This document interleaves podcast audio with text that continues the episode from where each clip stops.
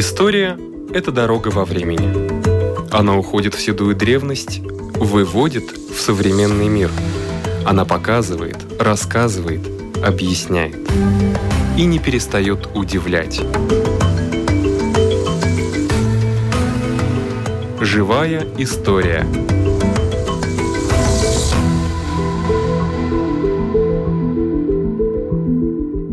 У микрофона Лидия Чера.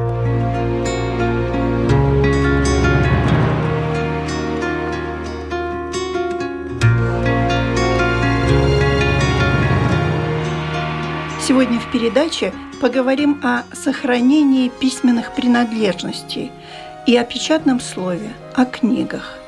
Интересно ли вам, на чем, что и кому писали в средневековой Риге? Ну, значит, пойдем на выставку в музей Риги и мореходства. Первое, что бросается в глаза, это то, что очень маленькие эти досочки и очень маленькие эти писалы, как они правильно называются. Стилусы. Или стилусы, или писала. Да. Вот подсказывает мне. Анти Эрдмане Хермане. Это организатор этой выставки, поэтому она знает здесь все лучше. Ну, правда, такие маленькие были досечки, Да, дощечки? не все были такие маленькие, но наши рижские маленькие, потому что они были как блокнотики или записные книжечки. Ох, даже так? Да, их в таком намерении и употребляли. А много сохранилось вот с 14 века таких? Нет, это большая редкость. И наши дощечки очень, или восковые таблички, еще большая редкость, потому что они не найдены археологическим путем. Они дошли до нас с руки до руки с коллекционеров. Вот как интересно. Но там даже видны все эти вот слова, которые написаны, но очень красиво, все очень так.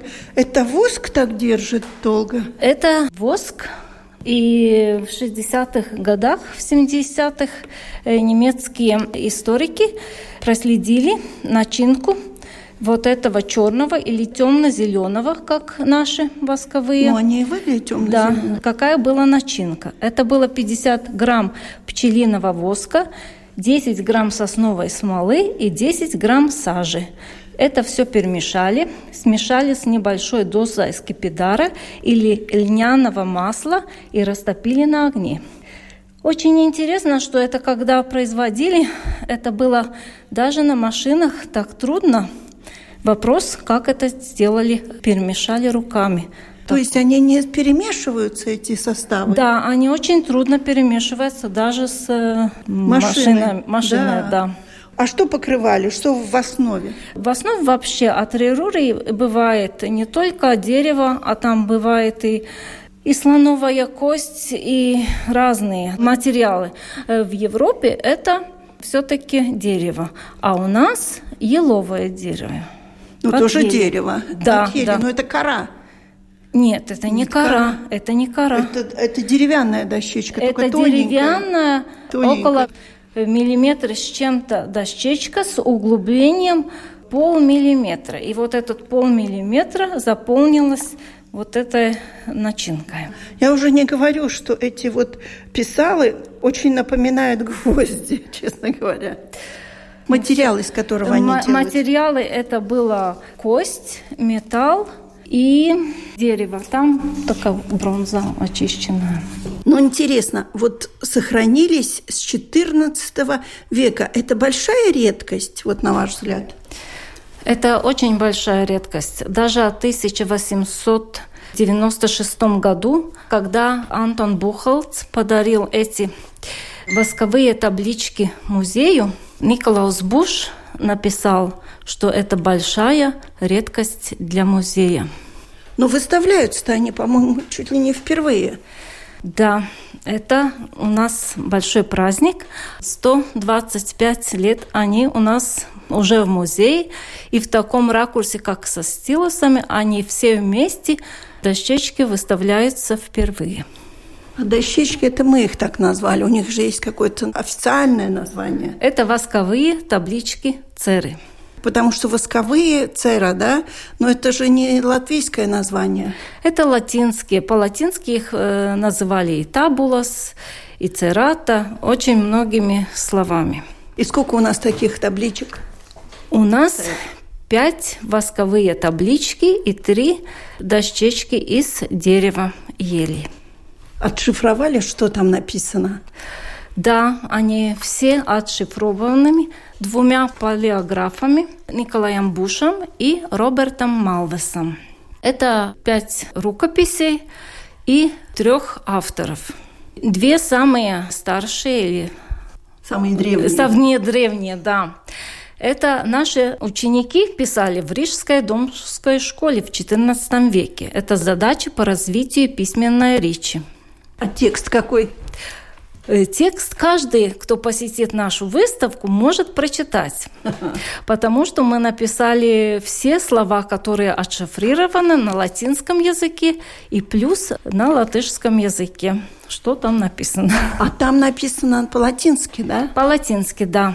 То есть школьники вот какого класса могли так писать? Ведь буковки такие маленькие, но такие красивые, такие каллиграфически исполненные. Это самые первые классы, когда они вообще просто учились писать. Остается гадать, сколько таких учеников, но наверняка из богатых семей могли себе такое позволить. Не сохранилось вот такие сведения, сколько учеников училось в Рижской домской школе. Но это не были маленькие дети, это такие подростки, мальчики, которые вот здесь с монахами учились. Интересно, что у нас, когда были раскопки...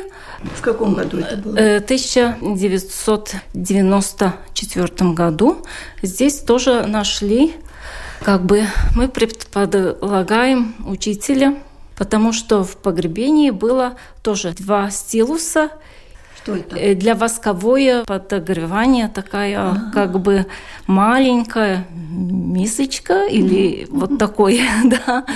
И это было с этим погребением мужчины около 20 лет, молодого, и метр восемьдесят три такой высокий, высокой, стройный, да. А вот с тех пор велись какие-то раскопки? Еще в 97 году велись раскопки, после того нет. Но такие дощечки нашли только во дворе вот Домского собора. Нет, дощечки не были найдены. Здесь. Здесь. Они передали они, они пошли от коллекционера до коллекционера. И мое самое большое открытие было Антон Бухолц купил эти дощечки в 1880 году, чтобы подарить музею. И до этого вот эта персона не была как бы известно. известно, да, кто же это. Была только маленькая надпись, что это Карл фон Шмидт. Карл фон Шмидт был коллекционером, у которого были куплены восковые таблички. До сих пор не установленная личность, о которой Антон Бухалц предоставил лишь минимальную информацию во своем подарке, что восковые таблички были приобретены у Карла фон Шмидта – Николай Буш не рассматривал этот вопрос подробно в своем исследовании, потому создается впечатление, что информация не требует пояснений и известна всем того времени историкам присутствующим. Ну, конечно, это же конец XVIII века, нет? XIX. Это 19 век, да. И э, интересно, что мне удалось расшифровать эту персону. Первые новости о Карле фон Шмидте я нашла в прессе, что Карл фон Шмидт из Крейтинга, это Литвы, избран членом корреспондентов Эстонского научного общества. Из Литвы? Да, да. А Он... эстонское общество, да? Это Ливония. Здесь нет Конечно. Нет Эстонии, нет, нет, нет, это одно интеллигентное такое научное пространство, и они все работают вместе. И в Зитцунберихте в 1877 году написано, что вдова уже Карла фон Шмидта пожертвовала 14 предметов антикварных для общества. Еще интересно, что шведский археолог Мантелиус, когда отправлялся в 1876 году со своей женой в в Вильнюс, на одной вечеринке слышит, что Известный коллекционер Кан Фор Шмидт мертв, и его вдова, которая сейчас находится в Каунасе, продает вот этот антиквариат, вот эту свои коллекции. И Оскар Мантелиус сразу же на второй день в два часа дня сел на поезд в Вильнюс и отправился в Каунасе и приобрел для Швеции Э, рукопись Карла фон Шмидта «Некроле Туаника», которая сейчас хранится в Швеции Упсала. И еще много других э, э, реликвий. реликвий да. Но мы тоже получили, оказалось. Да, да. Антон Буховц в 80-м году от вдовы купил вот эти дощечки. Еще интересно, что Карл фон Шмидт посещал Ригу. В 1852 году он был в Риге. А как вы это узнали? По каким сведениям? Он вам нашептал? Нет, он мне нашептал, потому что Карл фон Шмидт после разной службы гранадером, где он достал вот эту фон и участвовал не с Наполеоном, потом он работал на таможне. И на таможне работая, он переправлял и интересовался всякими коллекциями интересными, историческими. И его судили за переправку разных ценных вещей, книг, нумизматов. Mm-hmm. И в Вильнюсском архиве хранится большое дело, которое закрыто в 1866 году. И там есть очень много всяких э, нюансов, нюансов все описано. Но до конца это дело, как мне сказали вильнюсские коллеги, ну, никто еще не прочитал, потому что она огромная. То есть он был не чист на руку, я так предполагаю. Но не было бы ни счастья, да счастья повезло. Я бы наоборот. сказала бы не так, что он был таким фанатом, коллекционером, что, что, не мог удержаться. что не мог удержаться, потому что тогда не разрешалось все за границу переправлять. А ему, как коллекционеру, конечно, э, нравилось. Он потом свои коллекции, э, даже я бы сказала бы, что он был интересная персона, которая в Кеденской школе, когда после этой уже тюрьмы, все, он в Кеденской школе немецкий язык преподавал, он им подарил коллекцию минералов и разных насекомых маленьких. Тоже а, такая, да, да, да, тоже. да. Насчитывается, что вот э, у него было 2000 единиц всяких редкостей. Но не ради богатства он все это делал, потому что если бы ради богатства, он бы приобретя или своровал и продал бы. А он не продавал, ведь эта жена уже потом продавала. Э, ну да, да, он не продавал. Тогда был интерес к таким обществам, в обществе к старинным вещам, и он был коллекционер. Это не для такого блага, как для разбогатения. Это просто историк, коллекционер, который интересовался и делал вот такие большие коллекции. Его очень оценил Валтер, который был директором Вильнюсского музея. И когда последние годы Карл фон Шмидт там работал в музее и описывал предметы. После большого периода просто об этой личности Эдуард Валтер, археолог и музейный работник Литовского музея, разучил о Карле фон Шмидте и его коллекциях и написал научную тоже работу. Интересно, что сам Шмидт потом посетил и первый Всероссийский археологический съезд в Москве в 1869 году и прочитал статью о 100 археологических раскопках предметов. Ну вот такая интересная личность открылась в связи с, с этой выставкой, с, которая да, открыта да, сейчас. Да, да, а да. вот эти писала, палочки, которые реально в реале где-то составляют, ну, 10 сантиметров, маленькие, тоненькие. У них как специально сделан заостренный кончик и разные, могут быть шарик на конце, может быть кружочек. Их откуда взяли? Они все, у нас в музее хранится около 50 стилусов, и они все идут от нашей Риги в раскопках. В табличках писали с ними, нанося на воск знаки, острые металлические, деревянной, либо костяной палочкой из стилусов. В случае необходимости надписи можно было стереть, загладить. Да. Интересно, что на наших восковых э, дощечках. дощечках, табличках видны еще предыдущие надписи, которые называются палимпсесты. Ах, так они называются. Да. да. Но там что? Там, может быть, расчетные счета, Договоры какие-то? Договоров нет, но две очень интересные. В одном есть распоряжение архиепископа Рижского Иоанна IV от Синтенес брату Фридриху о владениях Валфесфагена в Померании. Это датируется около 1376-1378 год.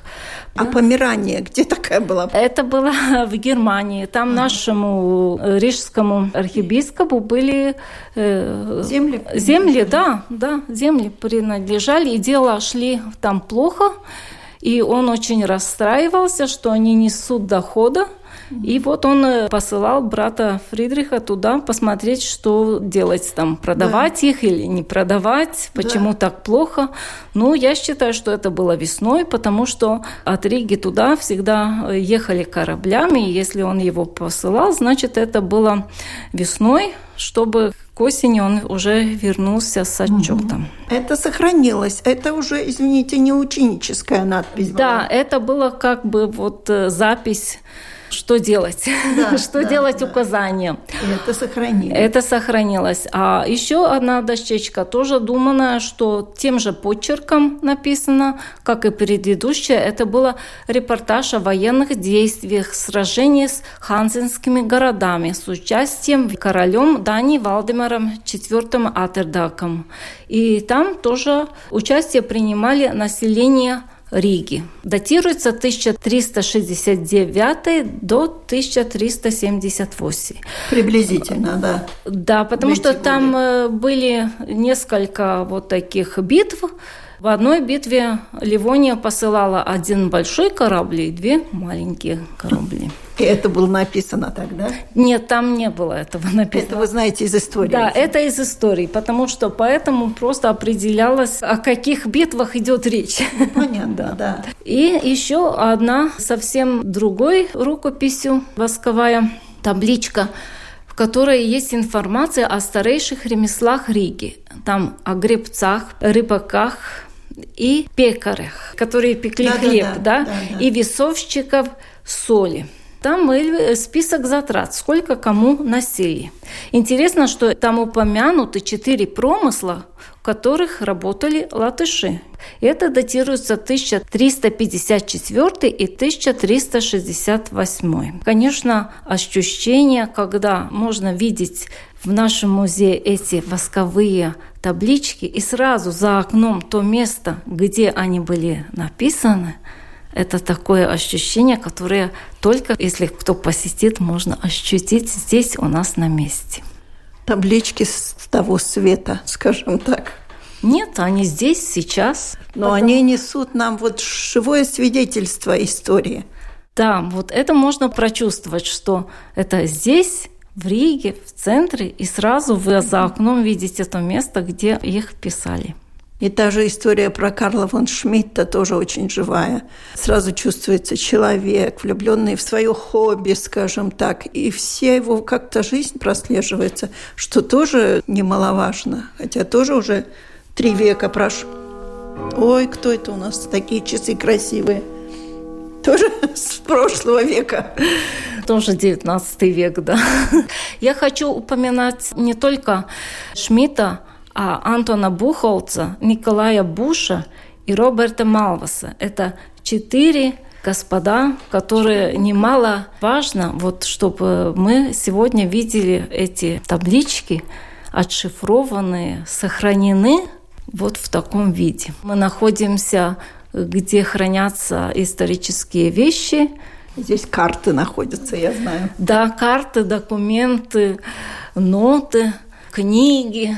Дверь тоже прекрасная, в драконах и с ангелами, тоже сохранившаяся с каких-то веков. Да, это 16 век, Интарсия, тоже из нашей Риги с улицы Марсталю.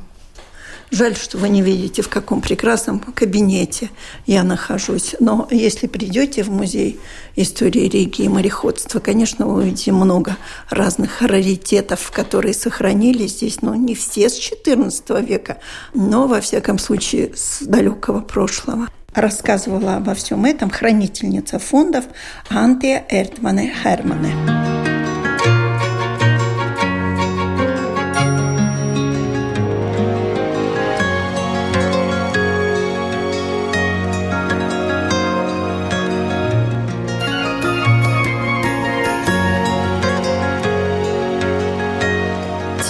Перенесемся в Латвийскую национальную библиотеку.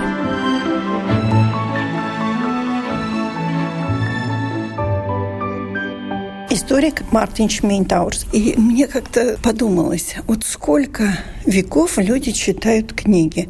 По-моему, всего два века. Это так активно 19 и 20.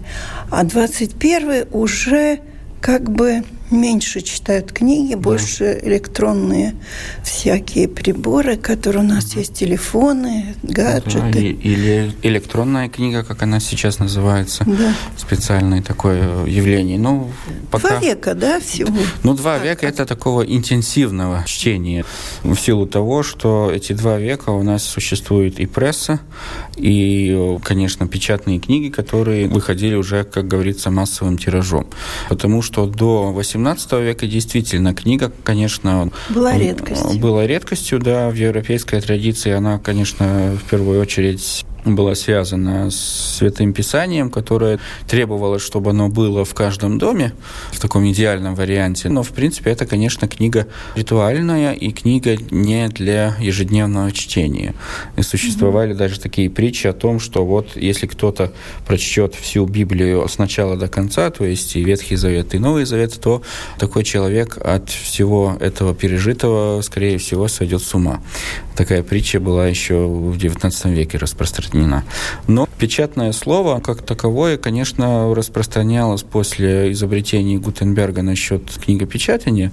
И в первую очередь как раз религиозные тексты вышли в таких тиражах. Та же самая Библия, и не только Библия. Если говорить там о 16-17 веках, тогда в эпоху так называемых религиозных войн в Европе, которые начались с начала движения реформации в начале 16 века, века. Ну, так эта эпоха религиозных войн, она продолжалась в Западной и в Центральной Европе вплоть до середины 17 века. В эту эпоху религиозных войн очень распространенными стали разного рода листовки, которые печатались как протестантами, так и католиками, и печатное слово приобрело такую форму идеологического оружия. Но помимо этого, как раз в XVIII веке, помимо печатных изданий и прессы, появилась еще одна категория книг в связи с биографией Йохана Готхарда Стендера, старшего, то есть книга, которую мы сегодня называем энциклопедией. Но ну, мы говорили тогда о этой книге высокой мудрости Аукстес Гудрибс Грамот, которая появилась на латышском языке в конце XVIII века даже в двух изданиях, в двух разных редакциях.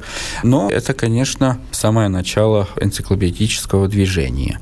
А энциклопедии как таковые тоже появляются с конца XVIII века, но распространяются они уже в XIX веке. С чем это связано? Это связано в основном с тем, что повысился средний уровень образованности и стала необходимая такая информация, которой до того пользовались только ученые или отдельные люди, которые занимались какими-то исследованиями в области разных наук, точных, естественных или гуманитарных и так далее. Но в XIX веке уже появляются так называемые универсальные энциклопедии, как в Европе, так и в России. Но в России это Брокхаус редакции Ефрона, такая универсальная энциклопедия XIX века. И тогда уже создается такое впечатление, что каждая уважающая себя культура должна иметь свою собственную энциклопедию на национальном языке. Если в 16-17 веках это представление распространялось на Библию, что каждая культура должна иметь Библию в своем национальном языке, будь то латышский или какой-то другой, эстонский или литовский, то уже 19 век, он как раз такой уже эпоха секулярная, то есть мирская, и вместо Библии как бы приходит энциклопедия как такой общепринятый стандарт образованности и интеллигенции. Ну, домашнее чтиво, скажем так. Домашнее чтиво, да, и действительно эти энциклопедии с XIX века создавались на таком уровне, чтобы их можно было прочесть человеку без особой подготовленности, то есть не требовалось, чтобы у вас было высшее академическое образование, чтобы вы могли читать универсальную энциклопедию. Но в случае Латвии это тоже такое движение, которое у нас появляется в начале XX века, когда Рижское латышское общество создало такую комиссию, при которой разрабатывался проект конверсационного словаря, как тогда называлась энциклопедия, на латышском языке. Мы больше знаем о редакции этого словаря или этой энциклопедии, которая появилась уже при Латвийской Республике 20-е и 30-е годы, но первые образцы энциклопедии, универсальной энциклопедии на латышском языке появились уже во времена Российской империи, то есть в начале 20 века. То есть с 1910 года в трех томах стала выходить энциклопедии на латышском языке в красивом оформлении в стиле арт-нуво, и печаталась она на латышском языке, но используя так называемую старую орфографию, да, то есть готический шрифт. Эта энциклопедия до начала начала Первой мировой войны не было окончено, и это событие наложило такую своеобразную печать на все дело печатания энциклопедии во время 20 века. Потому что за исключением советского периода те проекты энциклопедии, которые были начаты, они не были законченными. Но, в принципе, энциклопедия интересна еще и потому, что энциклопедия дает как бы разрез того, чем жила общество в определенную эпоху, как какая информация считалась важной, достоверной и такой, которой надо пользоваться в обыходном порядке. И с этой точки зрения, конечно, интересно читать и энциклопедию, которая как бы уже устарела. То есть информация, которая была актуальна для человека XIX века или начала XX века, она сегодня уже не пригодится, потому что изменилась наука, изменились представления о мироздании, о физике, о химии, о каких-то гуманитарных науках и так далее но они, как бы было не парадоксально, но из старой энциклопедии они не утрачивают свою значимость с точки зрения того, что они показывают, как жило общество в ту самую эпоху. И да, как устроен мир. И как устроен мир, и также политический контекст данной эпохи. Сегодня мы, конечно, можем по-разному оценивать советский период нашей истории, но та информация, которая сохранилась в латвийской советской энциклопедии в двух редакциях, то есть малая энциклопедия Латвийской ССР, которая вышла в трех томах в начале 70-х, и потом этот проект, который был завершен, то есть Латвийская и советская энциклопедия в 12 томах, которые... Зеленые книги. Зеленые книги, да, такие солидные, которые до сих пор, конечно, доступны в Национальной библиотеке, и они не уходят в прошлое только из-за того, что они были напечатаны в советское время. Там, конечно, присутствует советская идеология и советский тип взгляда на мир, конечно, там очень-очень существенно проявляется. В этой древней энциклопедии какие основные разделы были? В первой, География, да? да. Если говорить о этих первых универсальных энциклопедиях, в том числе о первой энциклопедии на латышском языке, трехтомной, да. то она строилась по принципу действительно универсальной энциклопедии или по принципу Брокхауза немецкого, то есть она должна была содержать информацию как о территории Латвии, как о российском государстве, Российской империи, так о всем мире. Потому что если смотреть историческую часть, то там все с древней истории до начала 20 века, там информация по физике, по химии, по биологии, по природе. Там очень интересная, ценная информация как раз и про Российскую империю, и про латышские земли, про прибалтийские провинции на тот момент, чем они жили и как была устроена администрация, управление этих территорий в начале 20 века. Там очень много интересной статистической информации, которая, конечно, в каком-то объеме сохранилась и в архивных источниках того времени, но гораздо проще для читателя современного подойти к полке, взять эту энциклопедию, найти там достоверную информацию про население, про производство, про сельское хозяйство, все, что было актуально на тот данный момент, на 1910-12 год. Потому что действительно мы, если сейчас возьмем эту книгу, посмотрим, то мы увидим такую картину мира столетней давности. Она довольно интересна, потому что это уже эпоха электричества, эпоха современной индустриализации, железных дорог, химического производства и так далее, и так далее.